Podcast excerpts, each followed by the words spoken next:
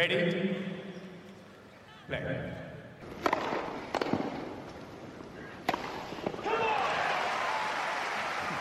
Merhabalar, Raket Servise hoş geldiniz. Ben Gökalp. Ben Anıl, merhaba. Evet, uzun zaman sonra tekrar güncel konulara döndük ve bu sefer işin içinde oynanan maç bile var. Anıl hazır mıyız? Ama maçlar tenis maçından ziyade farklı şeylere de benzeyebildi ara sıra. Hazırız Gökalp. Bugün konuşurken öğreneceğiz. Öğrenirken belki eğleneceğiz, belki sinirleneceğiz. Güldürürken de güldüreceğiz. Yeni bir spora giriş yapıyor gibi olacağız bazı anlarında.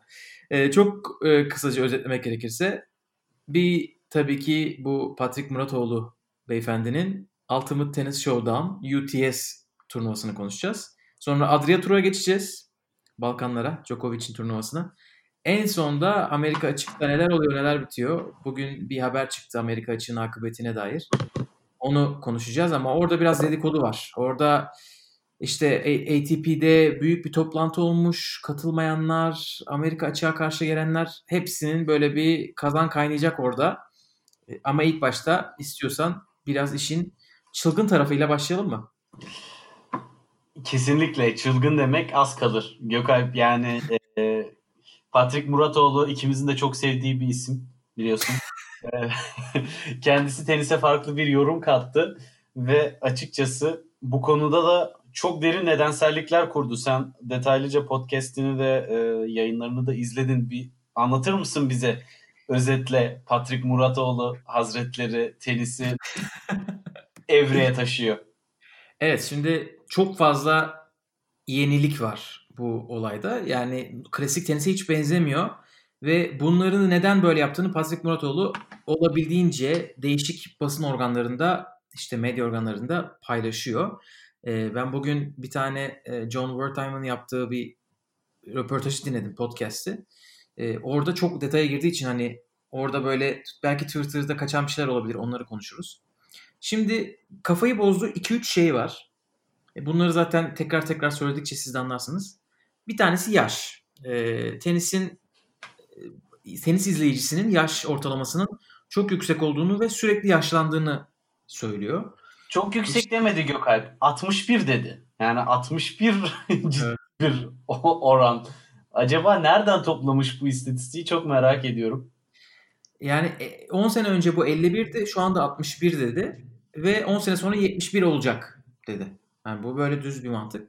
Nereden aldığını da bu arada Twitter'da paylaşıldı sanırım. Amerika'da yapılan bir araştırma olması lazım ve e, televizyon üzerinde yani televizyon izle şeyleri izleyicileri tenisi televizyondan izleyenlerin yaş ortalaması 61 diye çıkan bir tane e, araştırma var. Bunu da kendisine dayanak olarak almış bir projeksiyon yapmış. Sıkıntı şu ki yani çok fazla izleme yöntemi var. Bu araştırma ne işte internetten izlemeyi alıyor ne efendime söyleyeyim PlayStation'ınızdan izliyorsanız, bilgisayarınızdan izliyorsanız, telefonunuzdan onları aldığını sanmıyorum. Çünkü bu bayağı kanal rating ölçümlemesi gibi yapılan bir araştırma.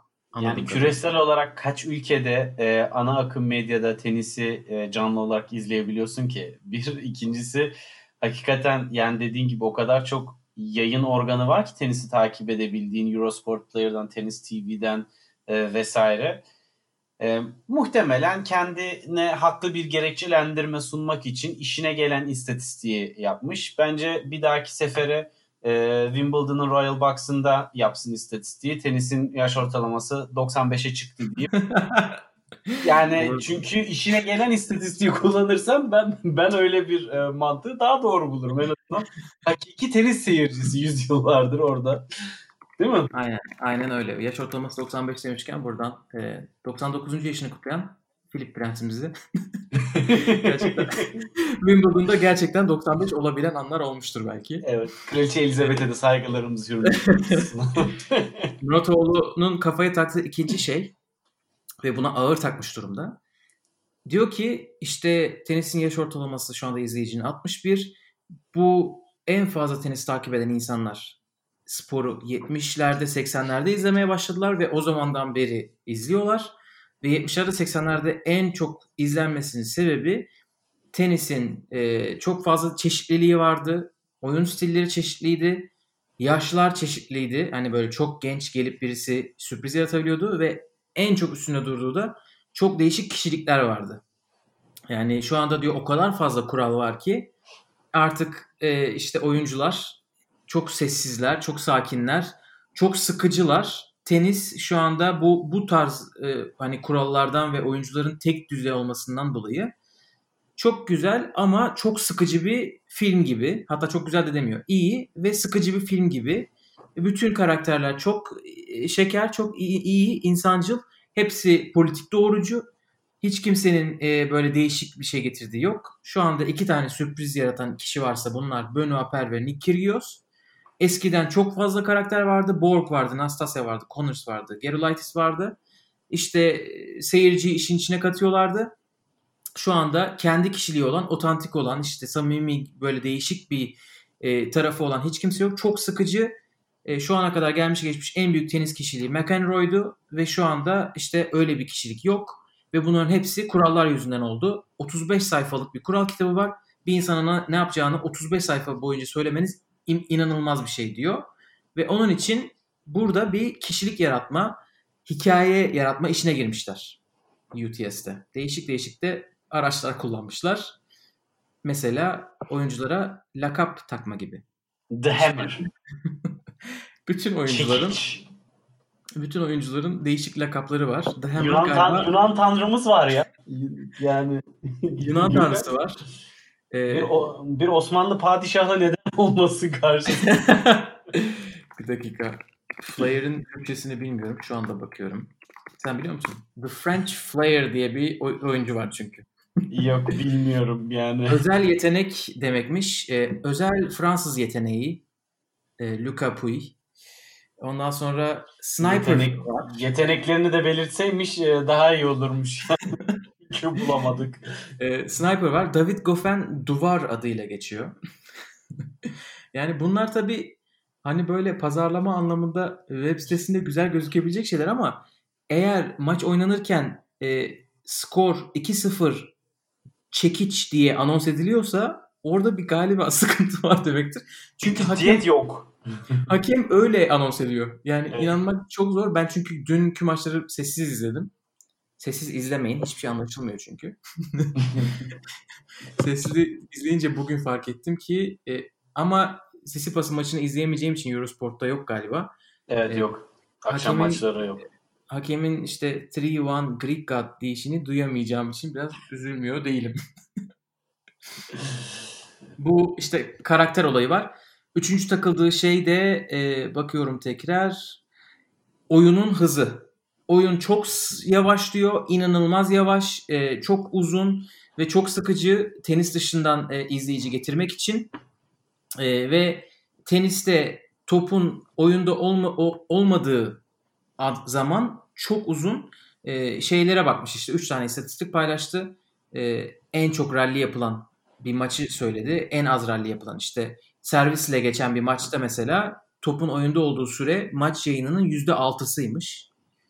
E, biraz böyle karışık işte Federer'in bir maçı %15. E, Nadal Korea maçını vermiş. Böyle acayip rally uzun olduğu bir maçta. O da %22. Diyor ki tenisin hızlanması lazım. Bunun için yığınla kural yapmış. Anıl istiyorsan senden bunlara varsa yorumunu alayım. Sonra da senden bu değişik kuralları anlatmanı isteyeyim. Yani format kurallar haricinde biraz böyle e, hani eskiden Hulk Hogan'ları falan izlerdik ya WWF'de. O tarz bir e, kafaya getirmeye çalışıyor sanırım. Yani her kişiden bir karakter yaratıp işi şova dökmeyi ama e, tenisin arka planında şovdan ziyade e, çok büyük bir mental kuvvet, fiziksel e, güç ve uzun yıllar boyunca kararlı çalışma ve antrenmanı ve çok yüksek konsantrasyonu ge- ge- gerektiriyor. Dolayısıyla yani formatı işin eğlence formatı olarak güzel. Ama yani şu noktada da e, özetle şunu söylemek e, istiyorum. Sorun tespiti bence doğru. Yani teniste bir şeylerin değişmesi gerekiyor. Aynı nasıl WTA ile ATP'nin e, değiş birleşmesi gerektiğini herkesin katıldığı gibi ama nasıl konusunda ayrıştığı gibi. Bence bu da benzer bir tartışma konusu. Yani teniste bir şeyler değişmeli. Zaten deneniyor da Next Gen'le vesaireyle. Ama ne yöne evrilmesi gerektiği ve nasıl değişmesi gerektiğini yönelik tabii ki farklı fikirler var. Ha, bu turnuva formatı da e, bunun tartışmaya açılması için fena da bir zemin olmadı yani. Patrick Muratoğlu'nu çok sevmesem de e, kişilik olarak e, koymuş olduğu sorun tespitinde çok da hakkını yememek lazım. Evet bir de bence yani bu buna şey diye bakmamak gerekiyor. İşte önümüzdeki 2021 senesinde Grand Slam'ler bu formatta oynanacak diye bakmamak gerekiyor. Bunlar bildiğiniz yani ürün inovasyonu böyle oluyor. Ee, böyle bir sürü şey deniyorsunuz. Bir tane şeyi insanlar çok beğeniyorlar. Onu alıp koyuyorsunuz ürününüze. Yani burada bakarsınız işte birazdan konuşacağımız kurallar olur, başka bir şey olur. Bir şey beğenilir. Tenise faydası olur. Onun için bence de e, iyi bir şey. Hatta ben ilk kurallar falan kartlar çıktığında ben biraz heyecanlandım. Çünkü bizim normal oynadığımız hani böyle profesyonel olmayan insanlar olarak oynadığımız oyunlardan olan kurallar var. Onları zamanı gelince konuşuruz artık. Evet o zaman hemen kurallara geçeyim. Birincisi zaten en çok e, normal karşılanan kural coaching. Ama e, coaching'de şöyle bir şey var. Koçunuz e, coaching'i e, çağrısını yapabiliyor. Sizin oyuncu olarak kabul edip etmeme hakkınız var. Bu birinci kural. Fena bir şey değil. E, sonuçta dışarıdan bir gözlemci olarak dur sana bir şey söylemem lazım şu anda deyip koçun iletişime geçmek istemesi sağlıklı. E, yani burada zaten çok e, konuşulan bir şey. Bir de yani bütün olayı Patrick Muratoğlu düzenlediği için bunu normal karşılıyoruz diye düşünüyorum. Evet. Coaching'in en büyük savunucusu ve aynı zamanda da Amerika Açık 2018 kadınlar finalini bitiren adam. İkinci olarak kural değil de daha ziyade formatı belirtmek gerekiyor. Burada herkes herkese karşı oynuyor. Yani elendiğin zaman çıkmıyorsun. Bu şu açıdan e, tabii insanların hoşuna gidebilen bir şey uzun vadede ama tabii tenise nasıl uygulanabilir zor. Sevdiğiniz oyuncu bir maç kaybettiği zaman bir daha turnuva boyunca izleyemiyorsunuz bugünkü sistemde. Burada tabii ki hep e, karşılığı tekrar tekrar oynuyorlar. Hatta bir, yani hafta hafta oynuyorlar. Haftaya Dominic Team de katılacak mesela. O aradan giriyor zaten katılmadığı turnuvaya. e, ondan sonra en çok e, oyun e, maç kazanan iki oyuncu e, set avant averajında da beraber olursa en sonunda e, en sonunda bir e, karar e, maçı yapılıyor. Ve hani burada hiçbir şekilde bir ısınma yok. Ve sadece işte kim servis kullanacak buna karar verilip başlanıyor. Ee, ondan sonra skorlar çok ilginç. Herkes iki servis atıyor ve iki puan yani herkes sırayla iki servis atıyor ve öylelikle değişiyor. Yani normal bir 40-15 falan gibi bir şey yok. Bir servis atıyorsun. iki teker teker sayılıyor. Sonra karşıdaki iki servis atıyor ve bu böyle dönüp gidiyor. E, maçın süresi ilginçtir. Maçın süresi diye bir şey var. evet maç süresi var ki bak bence bu e, teniste hani en büyük izlenebilirliğin önündeki en büyük zorluklardan birisi. Ne kadar süreceğini öngöremiyorsun. 22 saat de sürebiliyor. E, bir saatte de bitebiliyor. Burada 4 tane çeyreğe bölmüşler. 4 çeyrekte 10'ar dakikadan 4 çeyrekte en çok puanı kazanan o çeyrekte o çeyreği kazanmış oluyor. Yani eski tabirle seti e, kazanmış oluyor. Ve 4 setin sonunda e, en çok seti kazanan maçı kazanmış sayılıyor. Fakat burada şu var. 3 seti kazandığınız zaman veya 3 çeyreği kazandığınız zaman yine de 4. çeyrek oynanıyor. Bu da farklı bir şey. Hani normalde kazanmak garantilenince teniste biter ya maç. Burada averaj sebebiyle bu yok. Ha, bunun tabii biraz motivasyonel sıkıntıları var. 3-0 öne geçen bir isim dördüncü e, çeyrekte çok da asılmaz. Hani bu da karşı tarafın bir çeyrek kazanması için böyle ya orası çok arada kaldım ben. Ne Sanırım hiç olmadı şimdiye kadar ya da ben kaçırdım. Oldu. Son maç oldu şu anda. Berettini Goffin maçında oldu biraz önce. Öyle mi? Berettini 3-0 öndeydi. Ondan sonra son seti oynadılar. Hatta onda Goffin kazandı. Hı, tamam. Beşinci kural shot clock. Sadece 15 saniye. Hani gerçekten kısa bir süre.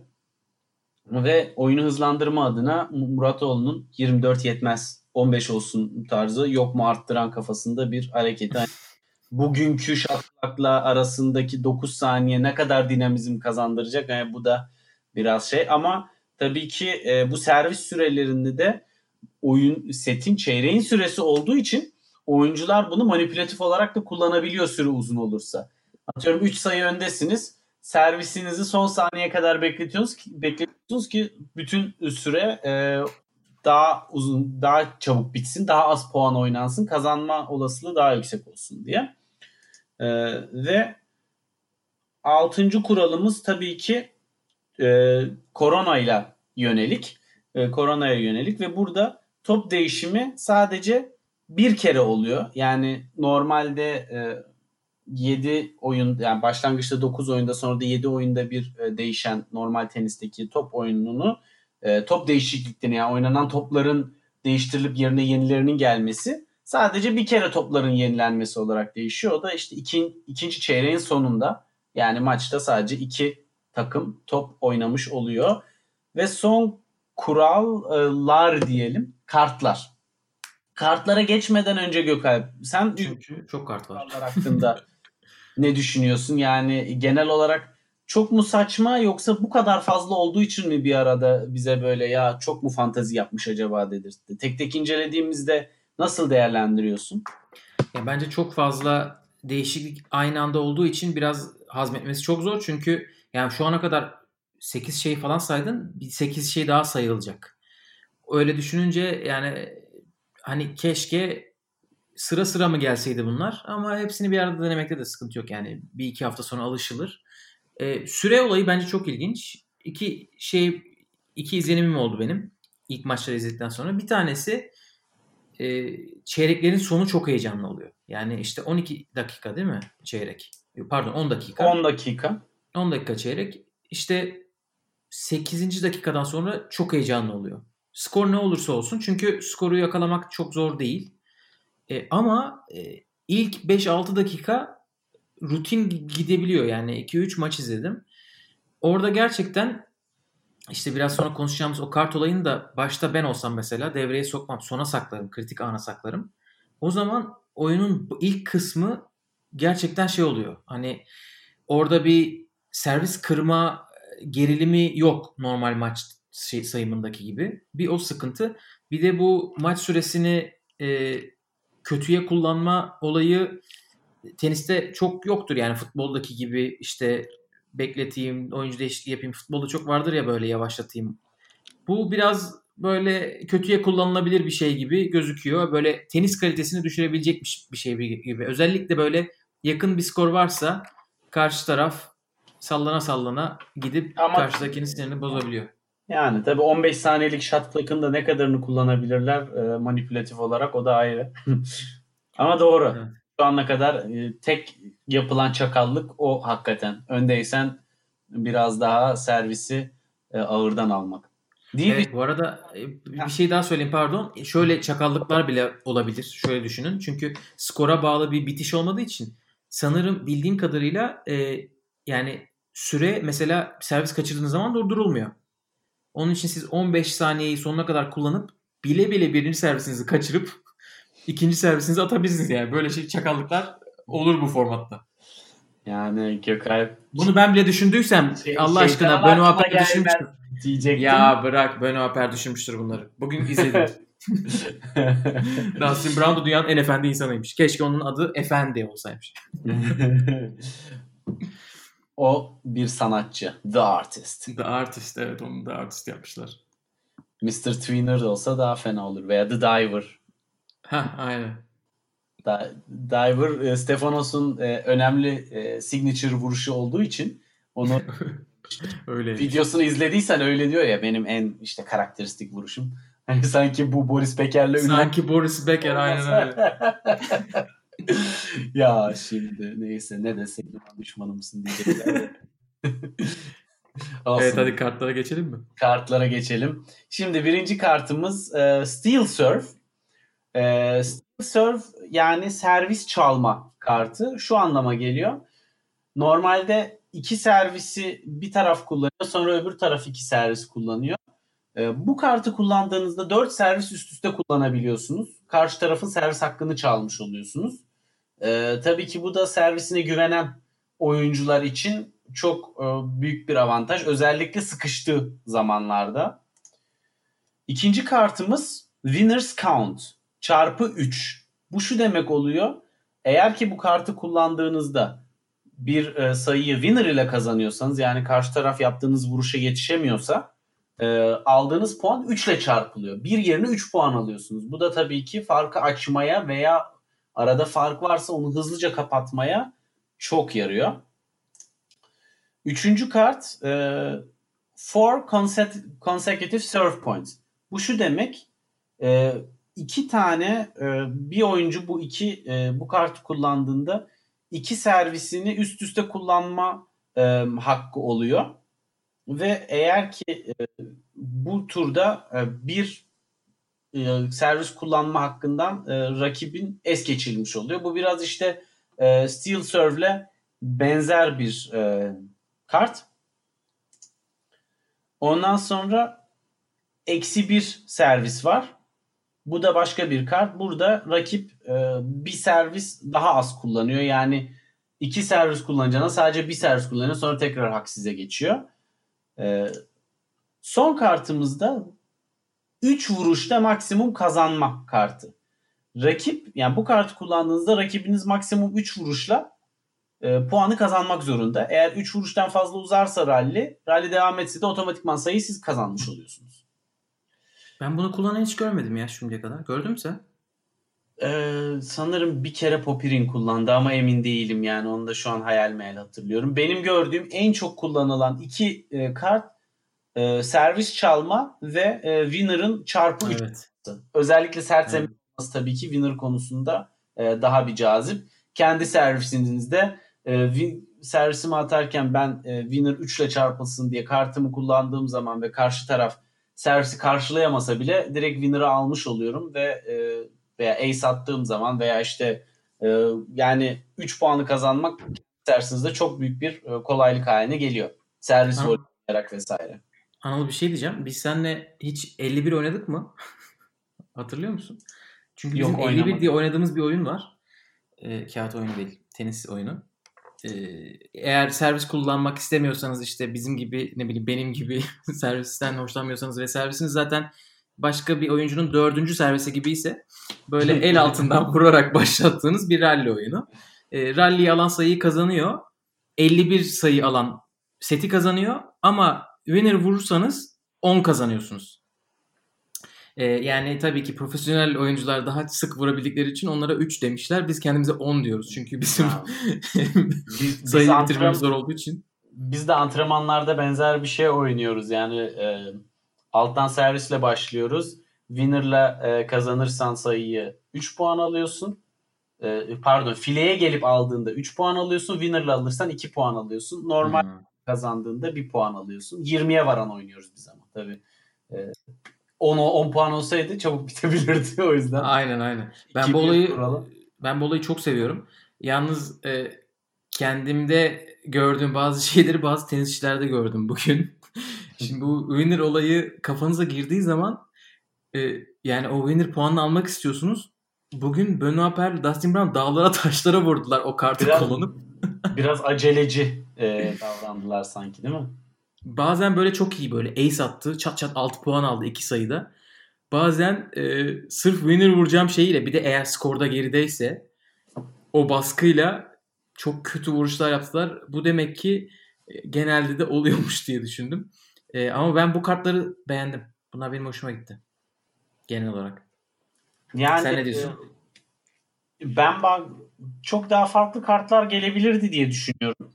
Yani çok böyle e, kısıtlanmış gibi hep servisi kuvvetli ve oyunculara yönelik kartlar olmuş. Yani mesela e, voleye yönelik spesifik bir şey olabilirdi veya belli bir vuruş stiline yönelik olabilirdi. Yani e, kortun gerisine atma, işte daha baseline'a zorlayıcı şeyler olabilirdi. Böyle çok farklı e, ilaveler olabilirdi. Kartlar güzel ama birbirine çok benzer olduğu için genelde hep belli kartlar seçiliyor. Hani ondan dolayı kart fikri eğlenceli ama kartların özellikleri konusunda bence biraz daha renklilik katabilirlermiş. Güzel şeyler olabilirdi. Ama olsun. Evet. Biraz işin şeyine çok kafa yormuşlar. Hani oyunu hızlandıralım tarafına. Hani böyle sayılar çabuk bitsin. Bu arada gerçekten bir ara sayılar o kadar çabuk bitiyordu ki hem böyle işte winner vurayım puan kazanayım hem de süre bitiyordu. Bir ara böyle e, bir dakikada 8 sayı falan oynandı. Başımız döndü. Rally olmadı. Böyle sonuçlar da doğurabiliyormuş. Bunu gördük. Değişik bir gerginliği oluyor evet. Aynen öyle. Zaten Patrick Montolo şey deyip durdu işte hızlı, e, duygu yüklü ve de gerçek bir şey yapmaya çalışıyoruz. Bu kadar hızlı oynanınca duygu yüklü olmuyor ama işte. Böyle bir şey var yani. O duyguları yaşayamıyorsun. Herkesten geri bildirim bekliyormuş kendisi. Eğer siz de vermek istiyorsanız e, yazabilirsiniz. Tenisten anlayanlardan geri bildirim bekliyorum diye e, çağrı yaptı e, şeyde katıldığı podcast'te. E, onun için bir yorum çok yere gidebilir. ya benim ya böyle özellikle inovatif şeyleri çok seviyorum ben yani değişik şeyleri. Zaten o yüzden Next Gen'i de e, çok severek izliyorum. E, ama şunu söylemem lazım. Ne kadar yenilik getirirsen getir hiçbir şey seyircinin yerini tutmuyor ya. Yani orada e, o kapalı kapılar ardında oynanması bütün enerjiyi e, düşürüyor. Yani seyircisiz herhangi bir sporun istediğini yap etkinliği çok daha az. Yani ben mesela Adria Tur'da çok daha gevşek bir ortamda bence oynandı maçlar ama seyirci işi heyecanlı ve canlı tutma konusunda tabii ki çok önemliydi. tabii ki ne kadar sağlıklı bir durumda orası tartışılır. Ama e, ben bu UTS'teki şeye alışırım gibi geliyor. Yani beni tatmin etti. Çünkü çok güzel bir reji de vardı. Sürekli insan gösterdiler. Sayı aralarında e, takımları gösterdiler. Bir de her sayıdan sonra alkış efekti verdiler. Bence o alkış efekti teniste işe yarar. Futbolda mesela zor. Taraftar sesiyle dinleyemedim ben bu kumandam olmadığı için maçları Türk Ligi'nde. Ama teniste bence o verilen alkış sesi bir tek şeyi ayarlayamadılar. Bazı çok kötü basit hatalardan sonra falan alkış verdiler. O da saçma oldu. Ama güzel geliyor yani kulağa. Böyle bomboş bir şey izlemiyorsun. İşte çünkü şu ana kadar yapılan turnu gösteri şeylerinde maçlarında antrenman kortunda maç yapılıyor. Ee, yan, Ama... top yankılanması duyuyoruz. Öyle değildi yani bu. Yani Sezar'ın hakkını Sezar'a vermek lazım. Organizasyonel olarak, altyapı olarak e, bence bayağı iyi iş çıkarmış Patrick Muratoğlu. Yani ya ne ne yaptığı konusunda e, doğru veya yanlış diye tartışılabilir ama yaptığı işin kalitesi gerçekten iyi. Evet. E, evet, evet. Yani şimdi biz mesela Davis Cup'ın ilk sene organizasyonuna baktık e, geçtiğimiz senenin sonunda. Yani orada ilk defa yapılan bir organizasyonda ne kadar şey yanlış olabilir veya ne kadar aksilik çıkabilir hepsini gördük. Evet çok doğru. Yani e, ilk günkü yağmur vakasının dışında ki o da hani yapacak bir şey yok. Çatı. E, Sisipas yapabilirmiş. Cidden tabii. E, yağmur tanrısı olarak. Zeus'la konuşmadı. Sıkıntı orada. Ama onun haricinde hakikaten or, yani eğer ki seyircili bir organizasyon olsa eminim ki çok sorunsuz ve güzel bir atmosfer olacak bir ortam vardı. Yani böyle exhibition turnuvaların sayısı zaten e, artmaya devam ederse ki normal bir takvimde nasıl bunlara yer bulunacak orası da ayrı. Ama bunların hepsi çok keyifli şeyler ve biraz da oyuncuları da fiziksel olarak çok yıpratmadan arada çerezlik, eğlencelik e, turnuvalar oluyor. Evet bence de çok kaliteli gözüküyor turnuva genel olarak. Böyle şey de öyle. İşte grafikler, geçişteki gelen logo böyle çok Amerikan yani Amerikan şirketi yapmış gibi duruyor. İşte o NBA, NFL Tabii. havası var böyle biraz. Bir de e, çok iyi hazırlanmışlar. Yani medya e, bilmiyorum Türkiye büyük ihtimalle öyle değildir. Çünkü bizim kültürümüze göre bir şey değil ama ben Eurosport İngilizceden izliyorum mesela. Oyuncuların lakaplarıyla falan anlatıyorlar maçı. Hani brieflenmişler. Hani medya ya konuşmuş Böyle herhalde. Yapılacak. Böyle yapılacak. İşte bunu şey yapalım, yerleştirelim insanların kafasına. Böyle bir kültür yaratalım. Yani bu tutmayabilir ama en azından bu eforun bu kadar güzel bir şekilde yapılması e, Sezar'ın hakkı Sezar'a diyelim gerçekten. Evet yani bakalım nereye gidecek iş buradan. Osmanlı tokadı ne zaman Yunan e, yapacak? Göreceğiz. Ee, bu turnuva ne zamana kadar? Temmuz ortasına kadar devam ediyor. 5 hafta. Evet. Değil mi? Aynen böyle lig usulü oynayacaklar. En çok maç kazanan e, 6 kişi e, yarı finale kalıyor. İşte 2 kişi direkt yarı finale, 4'ü çeyrek finale oynayıp yarı finale. Oradan da bir tane şampiyon seçecekler. UTS'de böyle tamamlanacak. Ama UTS 1 diyorlar buna. Yani bekleyin herhalde. Niyet o. Ama Aynen bakalım öyle. nereye gidecek? O zaman e, bununla hiçbir alakası olmayan her şeyi farklı olan Adria geçelim mi? Adria Tur'a geçelim. Sanki dünya çok normal bir yermiş hissiyatına bizi e, Hadi biraz 2019'a dönelim. değil mi? Hadi hiç kimse yarasa yememiş gibi davranalım biraz. evet Adria Tur çok değişik bir ortamda düzenlendi. Ee, Novak Djokovic önderliğinde düzenlenen bir gösteri turnuvası. Bu da ilk başta 4 ayağı olacaktı. Şu anda 3 ayak. Pardon. e, gösteri maçıyla beraber 5 ayağı olacaktı. Şu anda 4'e düştü. İlki işte Belgrad'da oynandı. Geçen hafta sonu.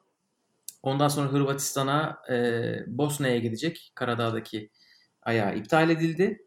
Orada... Ama yeni yer araştırıyorlarmış. De onu e, tekrar katabilirlermiş. Ha, Hı. iyi o zaman Sırbistan'da bir yer daha bulurlar diye düşünüyorum. Balkanlarda hızlı çözümler bulunur ya. Copa 12'ye gidebilirler diye düşünüyorum. Her şey olabilir. Novak Djokovic podcast'imizi dinleyenler ya da zaten onun hayatını bilenler anladı.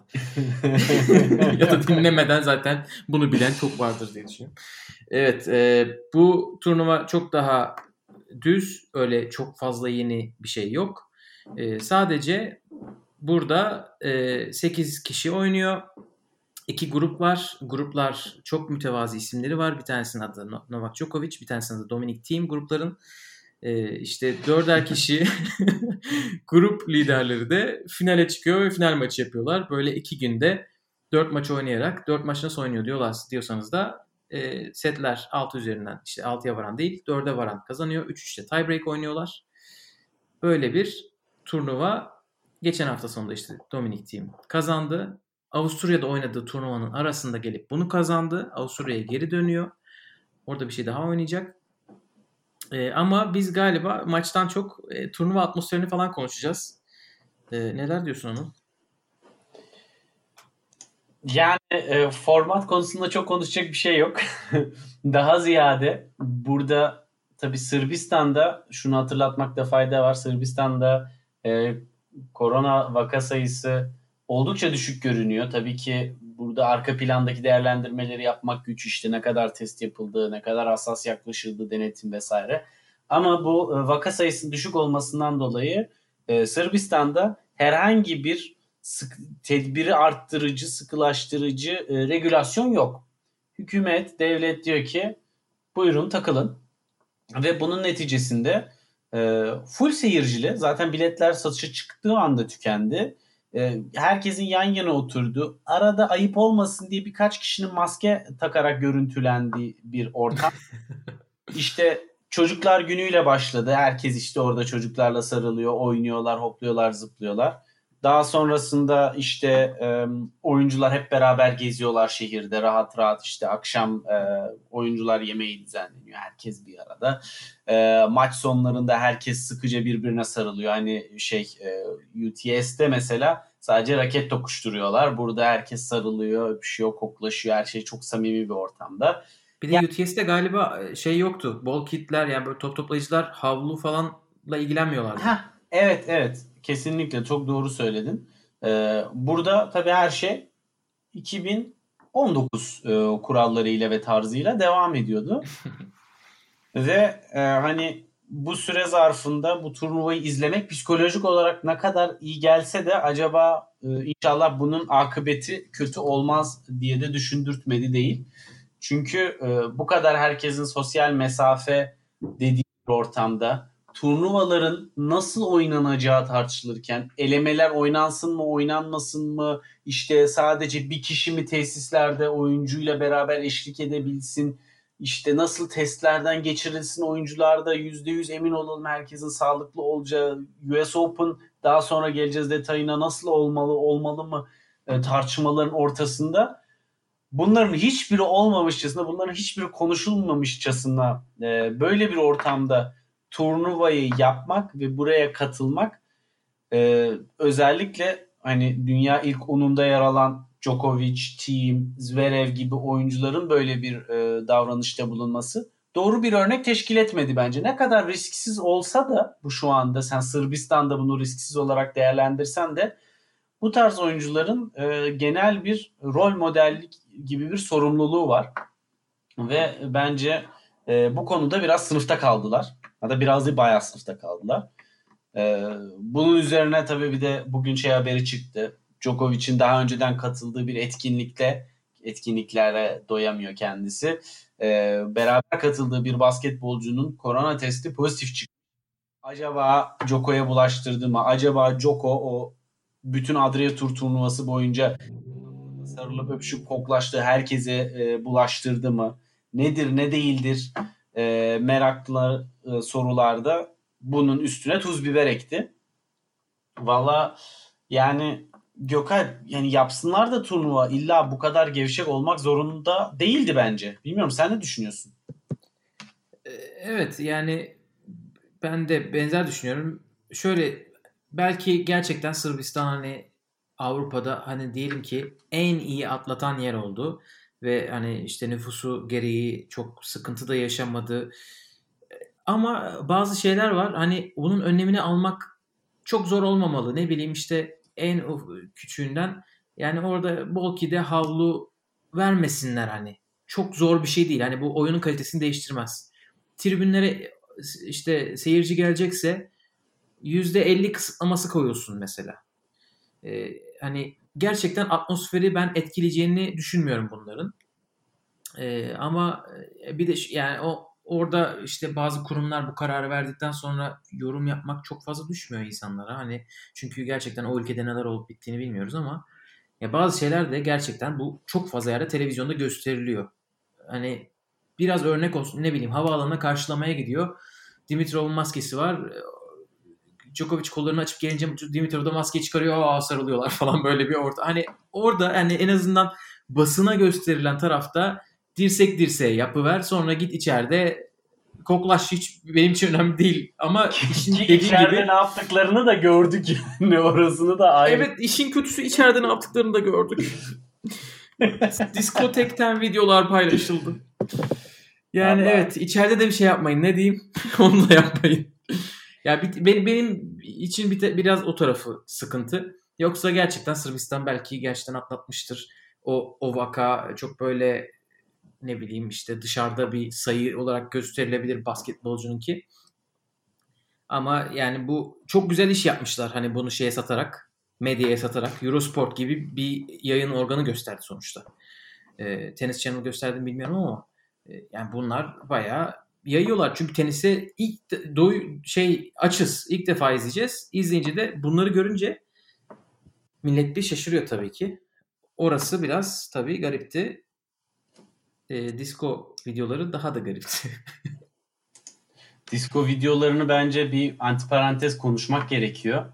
Çünkü e, yani oyuncuların birbirleriyle olan dostluk seviyesinin bu kadar yakın olduğunu ben bilmiyordum. Beraber hepsi lambada falan oynadılar, sarıldılar, hopladılar, zıpladılar. Parti de bayağı çılgın ve kalabalık bir ekip herhalde. Dışarıya bu Hani bari yap o partiyi. insanlar içsin, eğlensin, hoplasın, coşsun. De ki telefonsuz gelin buraya geleceksen. Bari dışarıya servis etme bu kadar değil mi? Yani o kadar e, bari... Yok, o bence ama şey değil. O bence içeri giren hani hayran gibi birisi yapmıştır onu.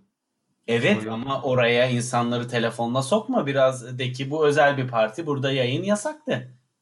Olabilir, olabilir. Yani ama işin orasında değillerdi biliyorsun. Yani ilk ama çok eğlenceliydi. Futbol orada olasım geldi yani. Ne güzel. normal. evet o işin orası. E, Labour Cup sonrası partileri de biliyoruz. Sanki ee, biz burada distopyada yaşıyoruz da onlar e, eski normal e, dünyada yaşıyorlarmış gibi. Valla çok güzeldi ya. Şunu merak ediyorum. Para aldılar mı? E, ikincisi kaza, para kazandılarsa da bunu veriyorlar mı? Veriyorlar diye biliyorum ama hiçbir yerde böyle tam şey yapamadım. Teyit Ya edemedim. bir bir benim bildiğim kadarıyla hani biraz bağış tarafı var işin. Ama hani bağış da şöyle yani e, tenisi geliştirmeye yönelik konularda e, sanırım. Mesela sporcu bursu olsun veya işte e, tesiste e, oyunculara e, oynatma falan gibisinden bir şeyler diye okudum. Ama ben de dediğim gibi tam emin değilim nedir ne değildir diye. Para ödüllü olduğunu bildiğim tek özel turnuva hani kazananı e, Temmuz'da Berlin'de düzenlenecek turnuva. Hı. Ee, ya UTS bildiğim kadarıyla yarısını e, oyuncu fonuna oyuncu fonu gibi bir yere bağışlıyor ya da öyle bir öyle, Öyle bir bir bağış şey var. sistemi var. Ee, çok böyle rahat erişilebilir bir haber olarak bulamadım. Ee, bu Adria Tur'da devam ediyor. Başta dediğimiz gibi Hırvatistan'a geçiyorlar bu hafta sonu 20-21 Haziran'da Zadar'da olacaklar. Bundan mütevellit kadroya Çoric ve Çiliç katılıyor. Kimler çıkacak bilmiyorum. Herhalde Sırplar Troitski falan e, gelmeyecektir. Team, Team herhalde çıkıyor. Team, team yok. Evet team çünkü Murat UTS'e geçti. gidiyor. Zverev yanında mı bilmiyorum. E, ama bu, bu buradaki maçlar fena değildi. Güzeldi. Bir de daha alışık olduğumuz bir sistem olduğu için Evet. daha rahat izlendi.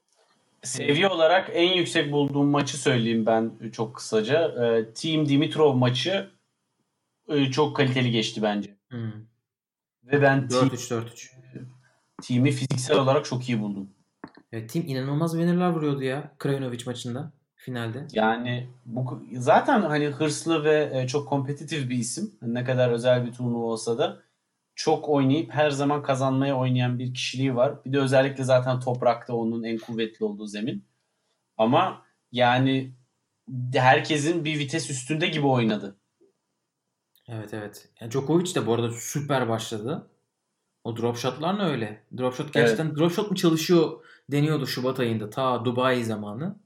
Gerçekten inanılmaz ya. Ee, sonra bir Krajanovic'e bir göz kırptı. Orada gitti. Ee, finale çıkamadı. Kendisi de şaşırmıştır. Ama e, finale çıkamadığım için ağlamıyorum. Gerçekten çok duygulandım. Çünkü ben burada büyüdüm dedi. Ee, onu da bir not geçelim. Kendi tenis kulübünde oynandı turnuva. Novak Tennis Center diye geçiyor. Tuna Nehri'nin işte Belgrad'daki iki nehrin birleştiği yerde çok da güzel böyle bir manzarası vardı. Havadan gösterdiler. Şimdi oradan ayrılıyorlar. Hırvatistan'a sonra Bosna'ya geçecekler. Banja Luka'ya. En sonunda Damir Cumhur sakatlandı ama e, eğer toparlayabilirse 5 Temmuz'da Saraybosna'da Damir Cumhur'la oynayacağı bir maç var. Onu da merak ediyorum. E, Bosna'da nasıl olacak e, Djokovic Cumhur maçı? Öyle Değişik bir şekilde. atmosferde geçer. Aynen öyle. O zaman Amerika açığa geçelim istiyorsan. Evet Amerika açığa e, geçelim. Zira gerçek diyebileceğimiz tenis turnuvası o. Yani hiç lafa eğip bükmeden konuşmak gerekirse tenisin özü orada. Her şey e, yani ben açıkçası ya çok istiyorum tekrardan maçlar başlasın. Tenisin tabii en büyük zorluğu her seviye en düşük seviye turnuva bile uluslararası bir turnuva. Ve en düşük seviyeden en yükseğe kadar olan hepsinin esasında birbiriyle bağlantısı var. Çünkü hepsi aynı puana çalışıyor. Yani 15K'lık e, ITF turnuvasında topladığım puan da aynı havuza gidiyor. Grand Slam'da topladığım puan da aynı havuza gidiyor. Ve o yüzden hani Grand Slam'i yapalım ama ITF turnuvalarını yapmayalım demek haksızlık oluyor. ITF turnuvalarını yapalım, Grand Slam'leri yapmayalım demek de çok büyük bir karmaşa oluyor. Bu sefer 15K'lık bir turnuvada ilk yüzdeki oyuncuları görmeye başlayacağız filan. Yani her şey böyle bir e, karman çorman. İş biraz komplike ama tenisin özellikle ticari tarafı için ne kadar erken dönülürse o kadar iyidir mantığı var şu anda. Hani idealist yaklaşımdan ziyade ne kadar çok oyuncuya para kazandırabilirsek çünkü oyuncular maddi olarak iyice artık dar boğaza giriyor birçoğu deniliyor. O kadar iyidir diye düşünülüyor. Ama bakalım. Aynen öyle. Bugün bir haber çıktı. Biz aslında bugün Amerika açıktan resmi bir haber gelmesini bekliyorduk. Resmi haber çarşamba herhalde çarşamba perşembe gibi gelecekmiş. Ee, Chris Clary'nin işte New York Times'daki haberine göre Amerika açık hala iptal edilmedi. Hani iptal edilecek mi edilmeyecek mi kararı çıkacaktı çünkü bu hafta. iptal edilmediği konumunda şu anda. 31 Ağustos 13 Eylül arası düzenlemeyi düşünüyorlar. Yalnız hala hükümet onayı çıkmadı yani. Hükümet onayını bekliyorlar. Ee, işte ESPN'in 70 milyon dolarlık bir yatırımı var. Onun için mutlaka turnuvayı yapmak istiyorlar tabii ki. Ee, bazı isimler şimdiden biz katılmak istemiyoruz dediler. Ama oraya gelmeden önce bazı şeyler hani belli olmuş. Mesela işte Amerika'ya gidildiğinde karantina istenmeyecek oyunculardan. E, eleme yok. Teklerde eleme oynanmıyor. E, bunun yerine hani oradaki oyuncuların e, durumunu kompanse etmek için e, ATP'ye 2 milyon dolar, WTA'ye 2 milyon dolar veriyorlar. O herhalde ya direkt artık bilmiyorum o onların kararına kalmış. Turnuva mı oynatırlar yoksa o, o oyunculara direkt bir şey mi verirler? E, şu anda durum böyle gözüküyor. Ama işin politik ve hani böyle alengirli tarafına gelecek olursak bu resmi açıklama çıkmadan önce geçen hafta zaten bunların olacağı belliydi. Şu andaki senaryo e, işte Cincinnati'yi New York'a getirmek, Cincinnati turnuvasını ve e, Cincinnati turnuvasını ve Amerika açığı arka arkaya haftalarda, 3 haftada oynatmak. O e, alanda bir işte ne deniyor bubble diyorlar. Bir baloncuk yaratıyorlar. Oyuncuların dışarı çıkmaması ve içeri başka birisinin girmemesi için. Diyorlar ki Manhattan'a gitmeyeceksiniz. İşte bütün e, tabii ki New York'un çoğu çok kalabalık olan kısmı Manhattan. Normalde oyuncular oyuncular orada otellerde kalıyorlar Amerika açığa gittiklerinde. E, ve havalimanının or, o tarafta bir yerde bir otelde kalacaksın ve kulübe sadece bir kişi götürebileceksin. Bunların hepsi işte korona önlemi olarak ve haftada 2-3 tane e, en az test yapılacak oyunculara. E, korona olup olmadıklarına dair. E, durum bu. Bunlar ama zaten geçen hafta çıkmıştı ortaya. Çünkü Djokovic ta 8'inde ayın yani geçen hafta tam bir hafta önce e, bir Sırp kanalına işte Prva TV'ye verdiği röportajda diyor ki ben tenisin liderleriyle konuştum. Böyle böyle söylediler bana. Manhattan'a gidilmeyecek. İşte havalimanında otellerde kalacaksın. Haftada bu kadar test olacak. E, ve işte tek kişiyi götürebileceksin kulübe. E, bu, bunun çok ekstrem olduğunu düşünüyorum. E, bunu desteklemiyorum diye söylüyor. Bu ilk hani olay. İkincisi de ATP'nin e, bir konferans görüşmesi oluyor. E, çarşamba günü geçen çarşamba o da onun da işte 10 Haziran'da. Bu konferansta yaklaşık 400 kişi var. Bir Zoom toplantısı düşünün 400 kişi var. E, bunu da bu arada bugün e, Noah Rubin'in podcastinden dinledim Behind the Racket'ten. E, yani inanılmaz detaylar paylaşmış. Ben burada hani paylaşabildiğim kadar paylaşacağım ama direkt dinlemek isterseniz oradan da dinleyebilirsiniz. Ee, söylediği şey şu. ATP'nin başındaki chairman işte Andrea Gaudenzi katılıyor. Ee, Amerika açık katılıyor.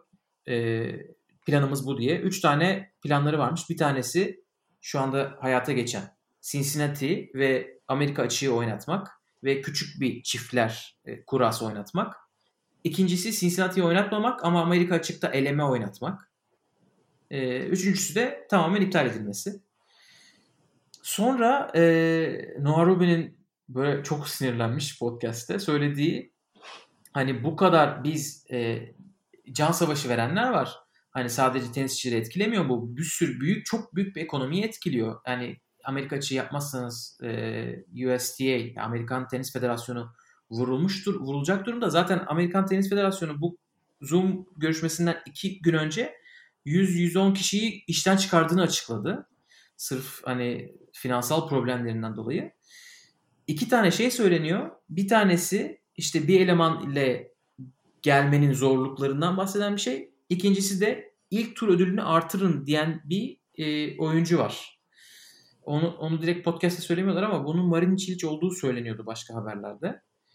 Yani burada bir sıkıntı var diyor işte Noah Rubin. Biz bizim haklarımızı işte 200, 300, 400, 500 numaradakillerin haklarını temsil etmesi gereken insanlar hani sağ olsunlar. Hani Daniel Collins de bununla ilgili bir açıklama yaptı ya. Djokovic evet. Player Fund'a yardım yapacağına gelsin Amerika'ya. O ikisini nasıl birleştirmişler diye düşünüyorduk işte. Mert abi de tweet atmış. Bunun ikisinin ne alakası var diye.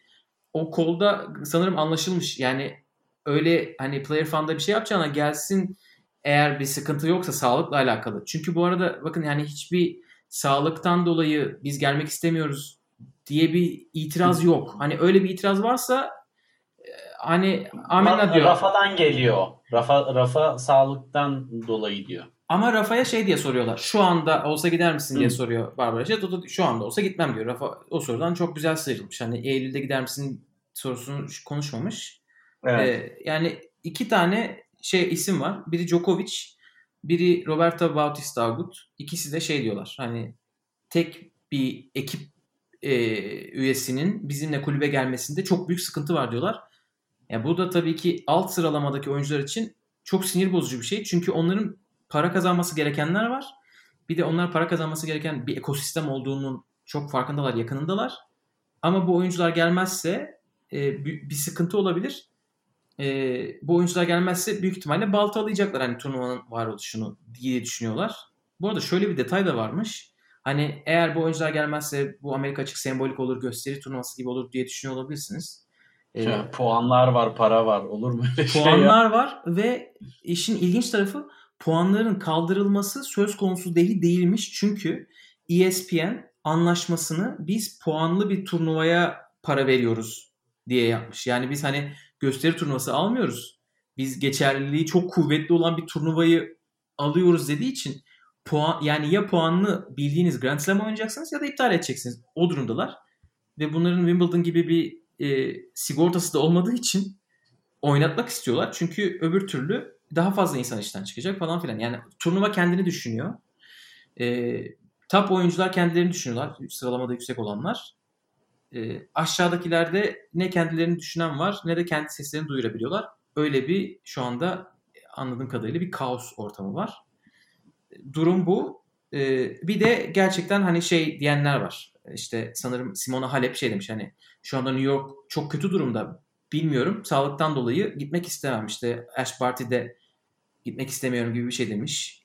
Ee, ondan sonra Richard Gasquet şey demiş. Ya hani herkesin gelmesi lazım. Gelebiliyor olması lazım. Bunu söyleyen yok mesela. Bu söylense gerçekten çok önemli bu. Ya herkesin gelebiliyor olması lazım ya da yapmayalım. Çünkü şu anda mesela Brezilya en kötü durumda yani. Türkiye birkaç hafta önce nasılsa Brezilya şu anda belki onun iki katını yaşıyor. Brezilyalı tenisçiler var hani mesela. E, bu tarz durumlar da var.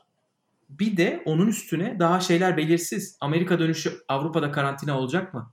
Çünkü Amerika dönüşünde bilin bakalım ne var? Madrid ve Roma Master'ları kendi turnuvalarını açmayı hazırlar. Çünkü Roland Garros geliyor hemen sonrasında. Onun için e, Amerika açık e, için böyle bir durum var. E, Patrick Muratoğlu burada da kendine bir yer bulmuş ve demiş ki Serena Olimpiyayı getiremeyecekse Amerika açığa katılabileceğini sanmıyorum diye Serena adına kendisinde bir söz hakkı görmüş. ve CNN'a verdiği röportajda bunu da belirtmiş. Amerika açıkta durumlar böyle yani. Biraz işler karışık. Valla Gökalp hiç araya girmedim. Ee, konu biraz uzun ve çetrefilli olduğu için e, ben de araya girip e, derinleştirmek istemedim. Kaybolabiliyor çünkü insan bu kadar tartışmanın arasında. Yani hani ben zaten en başında da biraz ufaktan şahsi fikrimi söyledim. Ama yani şu var. Hani tenisi reytingi getiren isimlerin sayısı ne kadar kısıtlı olsa da yani tenisi ayakta tutan veya tenisi ileriye götürecek olan şey ne kadar çok kişi bu sporla profesyonel olarak uğraşabilirse ve bu spordan profesyonel olarak geçimini sağlayabilirse rekabet ve dolayısıyla e, seviye o, ne, o ölçüde artacaktır. Dolayısıyla burada bence çok bölgesel bir çözüm düşünülüyor ve her şeyden önce şu anda daha Amerika'da her şey çok sıcakken e, bu kararı almak biraz riskli. Bak daha bugün tekrardan işte yok Çin'de e, virüs mutasyona uğradığı evet, çok daha evet. bulaşıcı vesaire tarzı tekrar söylemler geliyor. Yani e, içinde bulunduğumuz dünya maalesef hani öyle dönmeli ki çarklar durduğu anda her şey çöküyor. Bu hani kapitalist düzenin bir gerçeği hani işi biraz genele vuracağımız zaman. Tenis de tabii ki bundan etkiliyor, etkileniyor ve tenisteki bütün oyuncular da etkileniyor. Ama en az etkilenen isimler en tepedeki isimler açıkçası. Finansal olarak ve hani mesela burada Djokovic ben bütün ekibimi istiyorum diyor vesaire. Baktığın zaman zaten Djokovic'in hazırlanmak için bulunduğu ortamlar e, işte önce Mallorca'da kaldı orada en başından beri devamlı tenis oynamaya devam ettiğini e, öğrendik. İşte daha sonrasında zaten Sırbistan'a geldi. Kendi akademisinde oynamaya devam etti vesaire. E, yani bu imkana sahip oyuncuların sayısı o kadar az ki. Yani burada herkesi kapsayacak bir çözüm bence tepeden aşağıya inerek bir şeyleri rating ve ticaret katkısıyla kısa vadede çözmeye çalışmak yerine e, tabanı mutlu edip tenise olan katılımı geniş tutup e, yavaş yavaş üst seviye turnuvalara gelmeye çalışmak bence daha gerçekçi. Exhibition'larla zaten bu oyuncular e, geziyorlar, tenis oynuyorlar. Fakat e, ilk yüzün dışındaki oyuncuların şu anda hiç tenis oynama şansı yok. O oyuncu elemeye, oynamaya geldiği zaman Amerika'ya ne kadar hazır gelebilecek? Ve oradaki seviyen hangi seviyede olacak? Bunların hiçbiri düşünülmüyor. Hep para ön planda ve ticaret ön planda. E ben bunu çok sağlıksız buluyorum. Çünkü bu kısa vadeli bir şey değil. E, yani belki de burada tenisin e, gerçekten en çok e, fırsat varken elinde değerlendirmeyen kurumu ITF. Çünkü birleştirici bir unsur olması lazımdı ve genel tenis oyuncularının sadece ilk 10'unu 20'sini değil hepsini değerlendirip düşünüp ona göre bütün ülkelerin tenis federasyonları ile beraber e, profesyonel tenisin ülkelerde ayakta kalması için çözüme uğraşılmalıydı. Burada herkes kendi turnuvasını kurtarıp kendi ekmeğine bakıyor. E, oyuncular da öyle. Oyuncular da çok bireysel açıdan yaklaşıyorlar. Ve o yüzden hani Rafa biraz işin içinden sıyrılırcasına cevap verdi ama yine en insani cevabı o veriyor. Beni hayrete düşüren Roger Federer'in sakatlığından dolayı zaten katılıp katılmayacağı e, tartışma konusu değil. O hiçbir turnuvaya katılmıyor.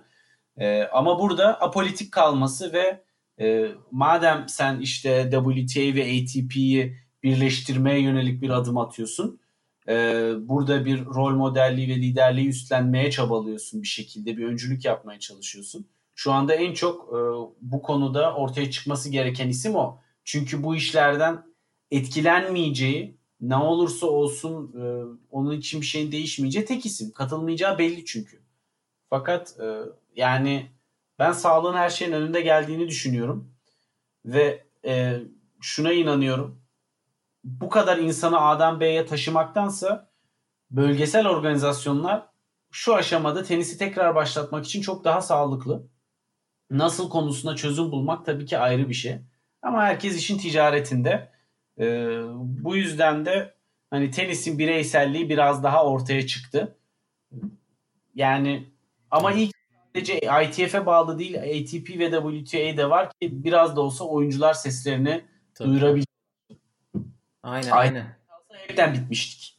Aynen, yani. aynen öyle. O, onlar hiçbir şey beceremezlerdi. Dediğine katılıyorum. Bence dediğin gibi olacak. Yani bence bu senenin sonuna kadar sadece bu tarz bölgesel turnuvalar işte gösteri turnuvalarıyla bitecek bence sezon. Yani Amerika açık oynanamadıktan sonra Fransa açık nasıl oynanacak? Ben onu da hayal edemiyorum. Çünkü en başta dediğimiz şeyler gibi yani sen bu yayının başında da söyledin. Global bir spor her yerden adam gelmesi gerekiyor, insan gelmesi gerekiyor. Onun için e, zor bir durum. Ama son durumlar böyle. Bir tane daha turnuva varmış. Bu sanırım televizyon yayın hakkı olmadığı için çok konuşmuyoruz. E, o da Belgrad'da. Yanko Tipsarevic'in akademisinde oynanan bir turnuva ve çok oyuncu var. Hani bayağı aslında güzel maçlar varmış gibi gözüküyor şu anda e, Sofa Skor'dan gördüm. Çünkü Ergi de orada. Ergi maçını evet. kazanmış bugün 5.30'da inip 8'de maç oynayıp maçını kazanmış. Ki yani WTA'de ilk 200'ü görmüş bir isim yendi. Değil mi? ATP'de. Ee, ama ya ATP'de çok pardon. ee, kim bilmiyorum. Divotic. O ha. iyidir kesin. Kesin iyidir yani. Onlar bak Nikola Milojevic yedekten girdi. iki maç kazandı adam. kesin o da iyidir yani. Bu arada evet. e, daha demin çok güzel söyledin. Ona e, şey yapmadan geçmeyeyim, katılmadan geçmeyeyim. E, Federer sınıfta kalmaya devam ediyor. Yani çünkü bu Black Lives Matter olayında üçü birden sadece emoji atarak taraflarını gösterdiler. E, ne kadar hani apolitik olduklarını ama apolitiklik zamanı geçti gibi gözüküyor şu anda. Özellikle bu tarz figürler için. Ve hani Naomi Osaka ve Coco Gauff'un yaptıkları gerçekten hani değerini anlatmak çok zor. Çünkü bu insanların yaptıkları her şey ya. Ki özellikle Naomi Osaka'nın hani Coco Gauff belki daha o kadar hani daha daha genç ve o kadar fazla şeyi yok. Hani bağlandığı bir sözleşme yok diyeyim direkt. Çünkü Naomi Osaka'nın hani bu yaptıklarından dolayı büyük ihtimalle e, ona menajeri şey demiştir. İşte şu kadar şey yapmayalım, bu kadar söylemeyelim. İşte çünkü orada Nippon'la anlaşmamız var. Şurada bununla anlaşmamız var. Yani bunlar aslında her dedikleri kendi aleyhlerine böyle iş partnerleri tarafından kullanabilecek şeyler olmasına rağmen çatır çatır konuşuyorlar ilk günden beri. Helal olsun. Francis Tiafoe. Üçü de öyle. Evet. Diğer arkadaşlar da Federer siyah kart mı attı? Öyle bir şey yaptı yani. Yani Tiafoe'nun videosunu ilk gördüğümde hafiften tüylerim diken oldu. O ellerini havaya kaldırdığında. Coco Gauff'un konuşmasını izlediğimde 16 yaşında e, bu kadar genç bir e, insan nasıl bu kadar doğru, vurucu, etkileyici ve e, haklı konuşabilir? Gerçekten çok büyük saygı duydum. Aynı zamanda Osaka hiç ara vermiyor. Yani o da Twitter'daki fanbase'ini bu konuda sürekli canlı ve bilinçli tutuyor.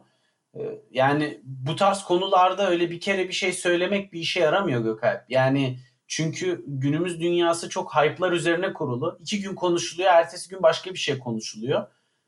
bu konular da çok insani ve temel konular.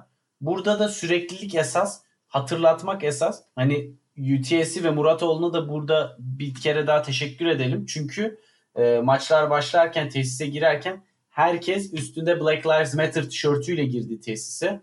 Bu da e, Fransa'da yapılan ve dünyaya yayınlanan bir organizasyonda bunu yapmak güzel bir e, çok güzel bir düşünce ve anlamlı da bir hareket oldu. Bu açıdan da tekrardan Yiğidi öldür hakkını yeme ve Sezar'ın hakkı Sezar'a diyelim Muratoğlu konusunda. Anıl e, ben hayatımda bu kadar Muratoğlu öveceğimi söylesem ben inanmazdım. Bir saate resmen 8 övgü falan sızladık. Bence yeter bu kadar bugünlük. Evet. insanlar inanmayacak artık. Yani para mı verdi falan diyecekler. evet yeni sponsorumuz Muratoğlu Akademileri. Yok antipatisi baki. Diyelim. Evet. Başka ekleyeceğim bir şey yoksa yavaştan kapatalım. Evet benden de e, bu kadar. Yani bu tarz konularda tabii ki daha bizi dinleyenler bilir. İki saat daha konuşuruz ama tadında bırakalım. O zaman bir sonraki bölümde görüşmek üzere diyelim. Hoşçakalın. Bizi buraya kadar dinlediğiniz, dinlediyseniz teşekkürler. Bir sonraki bölümde görüşmek üzere. Güle güle.